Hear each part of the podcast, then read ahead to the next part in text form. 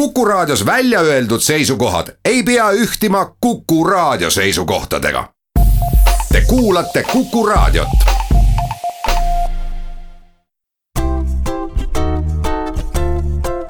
patsiendiminutid, Patsiendiminutid toob teieni Eesti Patsientide Liit. tere, hea Kuku kuulaja poolteist kuud kestnud koroonaviiruse eriolukord on paljusid pannud meid proovile moel või teisel. Ja üldiselt ka päris tervetes suhetes tekivad mõnikord ähm, teatud võimuvõitlused, kas siis partnerite või laste või ning vanemate vahel. kui istutakse kodus uues olukorras, kipub mõnikord energiat ka üle jääma. räägime täna, mida siis ette võtta võiks, et ennast aidata ja pereliikmeid säästa ja need, kellele tundub, et ähm, neid on tabanud mingi sundus praegu lähedastega koos olla, siis sellest hoopis rõõmu tunda. Mina olen Kadri Tammepuu ja tervitame tänast saatekülalist teisel pool kõnetraati, sotsiaalpedagoogi ja perenõustajat äh, Lii Kaudset mittetulundusühingust Vaikuse minutid, tervist! tere, tere! no Lii, sinu enda peres kasvab ka kaks last. milliseid nippe sina näiteks kasutad, kui te ninapidi päevast päeva koos olete ja võib-olla peate koduõpet arendama ja tundub, et olukord hakkab kuidagi käest minema? Jah, minul on algklassilapsed ja, ja mulle endale tundub, et äh, kõige olulisem on seal minu enda tasakaalu säilimine. kui ma ise ka seal kuumas olukorras kuidagi pingesse lähen ja emotsioonid võimustutavad, siis on kiire see olukord eskaleeruma. aga et seal ongi see oluline koht, et äh, ise täiskasvanuna jääda rahulikuks ja leida endale need nii-öelda pinge maandamise viisid.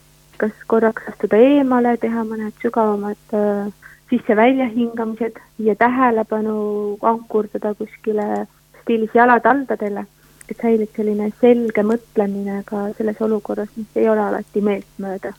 aga ikka juhtub nii, et äh, mõnikord lapsed äh, panevad vere keema?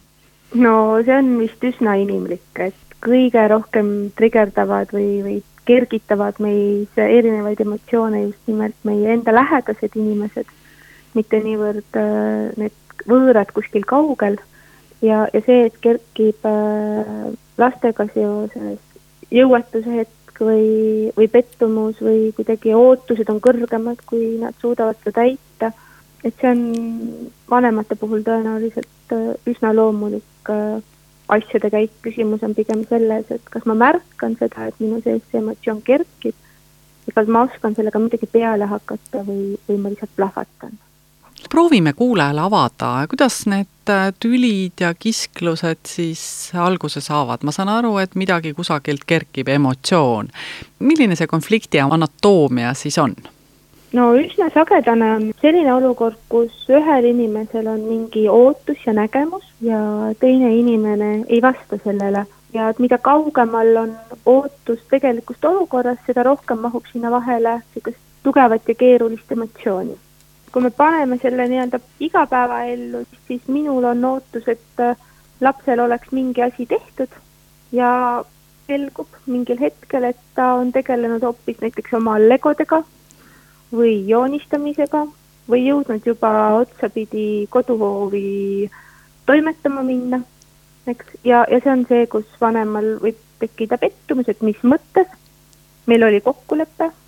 Ja kui ma ei märka ära seda, et see on pettumus võib-olla on see ka hoopis minu enda kurnatus, sest äh, lisaks kodu õpetamisele on mul ka jätkuvalt, eks ju, täiskohaga töö, mis ootab tegemist, et siis äh, võibki see väga kiiresti eskaleeruda selliseks vihapurskeks. kui me vaatame emotsioone natuke teise nurga alt, siis ähm, nad äh, on vajalikud meile selleks ka ju, et panna inimest üldse tegutsema, ilma nendeta ka ei saa. kas emotsioonid on siis alati nii lõpuni halvad? Ma arvan, et emotsioonid pole üldse mitte halvad. sest igal emotsioonil, mis on, on äh, oma sõnum ja oma, oma ülesanne. küsimus on pigem selles, et kas me oskame neid märgata. viha iseenesest, mida, mida justkui kardetakse või mida kooliõpilased on mulle vahvasti öelnud äh, mingitel hetkedel, et aa, et viha ei tohiks üldse tunda. tegelikult see on väga vajalik emotsioon. küsimus on pigem selles, kuidas ma seda väljendan ja teisest küljest, enne kui ma saan vihaseks, tunnen ma veel jadamisi muid tundeid, et viha ei ole see esmane tunne, enne viha ma võin ollagi pettunud, enne viha ma võin tegelikult hoopis tunda hirmu või kurbust või valu, aga et kui ma ei teadvusta neid äh, esmaseid emotsioone, siis tekibki nii-öelda see pime viha, mis lööb silmadest mustaks ja ei võimalda enam oma käitumist äh, teadlikult suunata ja juhtida paljud inimesed muidugi on aru saanud, et ega viha neid edasi ei vii ja nad on õppinud seda viha alla suruma teiselt poolt jällegi on väga raske ka aru saada, kui inimene on vihane, kui ta oma emotsiooni välja ei näita. mulle meenub äh, muide eestlaste kohta ka üks tore lugu, et äh, olid nemad kunagi Argentiinas ekskursioonil vaatasid Perito Moreno liustikku. hispaanlasest giid vehkis kätega, rääkis innustunult neile sellest maailma imest ja ja eestlased lihtsalt seisid vagusi kivinäod ees ja hiljem giid mm, küsis siis grupijuhi käest, et kas eestlastele siis ei meeldinud see koht ja grupijuht vastas, et väga meeldis, kõik vaatasid ühes suunas. et kuidas nende väheste emotsioonidega on, kas äh, kas laste puhul läheb isegi siis, kui laps ei näita oma emotsiooni välja, hoopis rohkem aega, et temast aru saada? et kui laps ei näita oma tundeid välja, siis loomulikult. no mugavad lapsed on need, eks ju, et kellele ütled, et hüppa ja ta küsib mitu korda ja kui kaugele. ja täiskasvanu jaoks on nad äh, mugavad. kuidas nad selliseks muutuvad? Mulle tundub, et see vist on kuidagi kuskil kaugetes, kaugetes juurtes, et me inimestena oleme ju loomult erinevad. et on mingid äh, omadused, mis on meil kuidagi loomupäraselt kaasas ja on mingid käitumismustrid, mida me oleme õppinud, et see nüüd on see, et mis see siis parasjagu on. et ühest küljest ongi inimesed ju, kes väljendavad ennast vähem, kes äh, on väga empaatilised ja püüavad äh, vastata tõesti ootusetele, et, et vältida mingeid konflikte võib-olla või, või et olla kellegi meele järgi. ja teisest küljest seesama asi võib olla õpitud, et nähtud, et kui ma käitun mingil viisil, ehk siis kui ma ei väljenda seda, et mulle see ei meeldi, vaid ma teen selle lihtsalt ära, siis on kuidagi suhted toredamad või, või siis ma saan tunnustust, mida ma soovin. ja mõnikord võib mitteväljendamine tuleneda ka sellest, et ma ei oskagi väljendada kui äh, mu vanemad ei ole kasutanud emotsionaalset sõnavara, no eestlaste emotsionaalne sõnavara on enamasti hästi halvasti normaalselt. et äh, noh, viha ka muidugi, eks ju, et see on ka, ka meie sõnavaras emotsioonina olemas. emotsioonide keel on õpitav, siis äh, pole lastel ka seda kuskilt õppida. siis neil on ka hästi normaalselt ja, ja vihane. aga kuidas siis neid segavaid emotsioone märgata? No esimene asi on äh, see, et, et oleks oskus märgata. et no ma ei tea, mis sa arvad, mitu emotsiooni väljendavat sõna eesti keeles umbkaudu võiks olla? no ei tea, no kakskümmend. tegelikult on ligi kolmsada. et igaüks nüüd kodus või kus iganes äh, raadiosaadet kuulates võib võtta endale ülesandeks, kirjutada üles, et mitu sõna, sõna saab. teine asi on see, et äh, meie emotsioonid annavad meile märku meie kehas ehk siis, kui me tunneme näiteks ärevust, siis keha reageerib sellele. kui me tunneme rahulolu või tänutunnet, siis meie keha reageerib ka sellele. et kui me õpime neid tundeid ka märkama oma kehaliste reaktsioonidena, siis on see ka teinekord väga palju abiks. et isegi, kui mul veel ei ole sellele olukorrale või sellele olekule, mis minuga on, head sõna taha anda, siis ma tunnen ära selle sellepärast, et ma tean, et ka, et mul on siit rinnust näiteks kuidagi kõdistab või mul kõhus natuke keerab või mu keha on väga mõnusasti niimoodi lõdvestunud.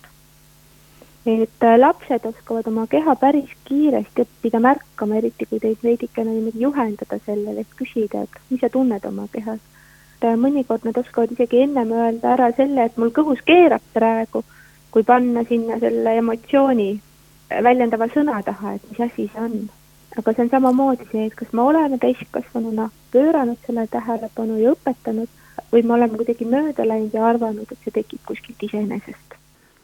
hästi, läheme siit väikesele pausile, mõne minuti pärast oleme tagasi, nii et jääge meiega. patsiendiminutid. patsiendiminutid toob teieni Eesti Patsientide Liit stuudios on pereterapeut Lii Kaudne ja Kadri Tammepuu. me räägime täna meelerahust ja sellest, kuidas oma pereliikmetega paremini toime tulla. no aga ütleme siis, et me oleme selle segava emotsiooni nüüd ära tundnud, tahame temast kuidagimoodi lahti saada. mida selle segava emotsiooniga peaks ette võtma? no füüsikud tõenäoliselt äh, kortsutavad nüüd kulmu, aga igasugune surve toob kaasa vastusurve. kui ma nüüd ei eksi, siis on see Newtoni kolmas seadus. Äh, vot sama asi on nagu ka emotsiooniga, et kui ma üritan seda emotsiooni alla suruda, siis ta ilmtingimata surub sealt vastu. noh, võib-olla on äh, meist keegi kogenud seda, et, et pingsalt üritad mitte naerma hakata, surud seda kuidagi alla, et ei hakka, ei hakka naerma, ei sobi praegu naerda selles olukorras ja lõpuks tuleb niisugune suure naerupahmaka või turtsakana see välja või, või siis vastupidi, et oh, et ma ei hakka nutma praegu, ma ei hakka nutma ja siis tulevad niisugused maailma kõige suuremad krokodillipisarad välja. kui ma märkan seda, mis minuga toimub, tunnen seda kehas, oskan sellele nimetuse anda, siis ma saan lihtsalt teadvustada, et see nii on, aktsepteerida seda. vajadusel võtta pausi, viiagi oma tähelepanu oma mõtetest hingamise juurde kui keeruline emotsioon on, et siis hingamine muutub hästi kiireks, süda hakkab kiiremini pekslema või jääb hinges korraks täitsa kinni, siis tegelikult see toimib vastupidi ka. rahulikus olekus me hingame ju sügavamalt, rahulikumalt, aeglasemalt. et, et see on üks võimalus, et ma võtangi niisuguse pikema, sügavama hingamise pausi, enne kui ma reageerin. ehk lasen sellel olukorral natukene selgineda, et see reaktsioon ei tuleks enam lihtsalt niimoodi naksti sellele olukorrale, vaid ma saaksin valida oma käitumise, teadvustada endale, et mis see mind tegelikult praegu aitab või mis selle olukorra praegu tegelikult lahendab. kas lisaks hingamisele on veel mõni selline hea ja lihtne harjutus, mis aitaks kuidagi meelt rahustada? mingil ajal ma mäletan, oligi hästi populaarne, et, et boksikotti kasutada, kui oled endast väljas. see inimene teeb niisuguseid lühikesi äkilisi liigutusi ja uuringud on näidanud, et see ei ole tegelikult see, mis aitaks meil meelel rahuneda, et me saame küll nii ennast välja elada, aga et sellised suure pika amplituudiga liigutused aitavad pausi võtta. tähelepanu teadlik ümbersuunamine, mm, kui mõttega ketran olukorda, et miks see nii on, kuidas ta praegu niimoodi tegi, mis tal viga on, et ma korraks toon oma tähelepanu oma mõttetöölt eemale, vaatan puulehti väljas liikumas akvaariumis kalu, viin tähelepanu oma kehale, tunnetan seda, mis mu kehas toimub, mitte ei mõtle seda mõtet kaasa. kas on mõni tore lihtne harjutus, mida sa näiteks lastele õpetad, et ähm, kui tunned, et oled ärev, siis tee nii? Äh, neid on mitmeid, võib-olla mu viimase aja lemmik on lille ja küünla harjutus. see, et äh, sa kujutad ette, et su ühes käes on lill ja, ja see on täpselt see sinu lemmiklõhnaga lill. ja sinu teises käes on üks küünal, mis põleb parasjagu. ja see küünlaleek siis on niisugune ilus asi, mida, mida vaadata, jah. ja siis sa võtadki sealt ühest peost, nuusutad seda lille niimoodi sügavalt.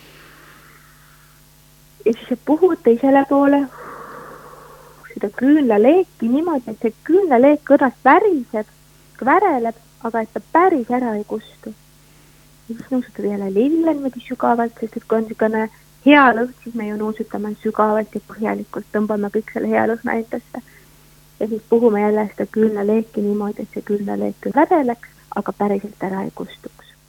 see on, lapsele aitab kontakti saada oma hingamisega, et ta saaks seda kasutada sellel hetkel, kui tal seda päriselt vaja on. sest sellel hetkel, kui on juba olukord keeruline, on meile kättesaadavad ikka need viisid, mis on kuidagi vanad, tuttavad ja et selleks, et äh, neid oskusi osata siis päris olukorras rakendada, tuleks neid enne rahulikus, mõnusas olukorras lihtsalt harjutada.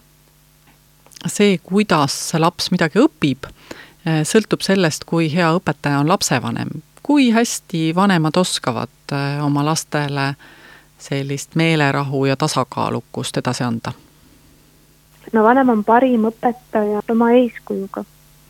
ja esimene viis, kuidas lapsed õpivad, on matkimise teel. Nad näevad, kuidas vanem teeb ja nad teevad järgi.